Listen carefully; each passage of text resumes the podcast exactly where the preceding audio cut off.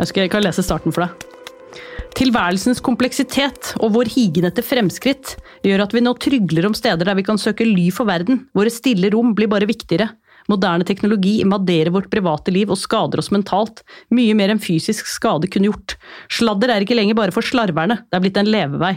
Mediene tråkker over alle anstendighetsgrenser. Hvor tror du det er fra? Hvor det er fra? Aner ikke. Det er den helt grunnleggende artikkelen om privatlivets fred, skrevet av eh, Samuel Warren og Louis Brandis i 1890. Ja. Og de skrev den eh, Det var da noen år etter at eh, Kodak tilgjengeliggjorde kamera for alle. Inntil da hadde det jo ikke vært sånn at folk flest hadde kamera i det hele tatt. Og det hadde jo liksom åh, Den invasjonen av privatlivet var jo helt ikke til å holde ut, ikke sant? Det er så det interessant. Ja. Jo. Og sånne, sånne, sånne Det å sammenligne med, med det er jo veldig interessant. For nå, de problemstillingene som oppstår nå, sammenlignet med da. ikke Ja, det det. sant? Ja.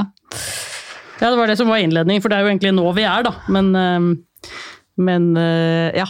Det der med retten til eget bilde ligger, stikker jo ganske dypt i oss, ikke sant?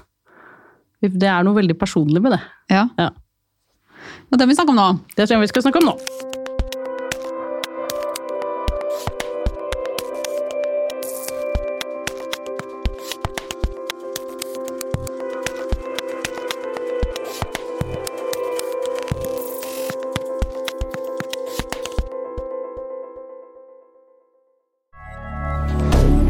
Moderne media.